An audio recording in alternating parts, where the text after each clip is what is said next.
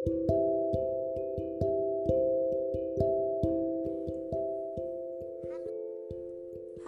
assalamualaikum. Ketemu lagi dengan Mama Antin dan Kakak Jidan. Hari ini Kakak Jidan mau membacakan bahasa Arab, angka-angka dalam bahasa Arab. Mulai. Oh iya iya.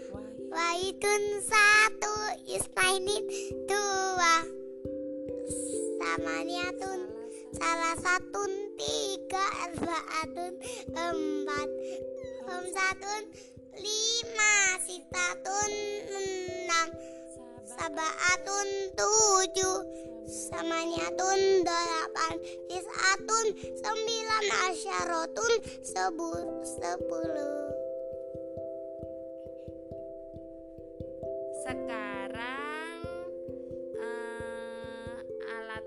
Dalam bahasa Arab. Mulai. Ainun Ainun mata Anfun hidung Pamun mulut Hudunun telinga Selesai. Waalaikumsalam.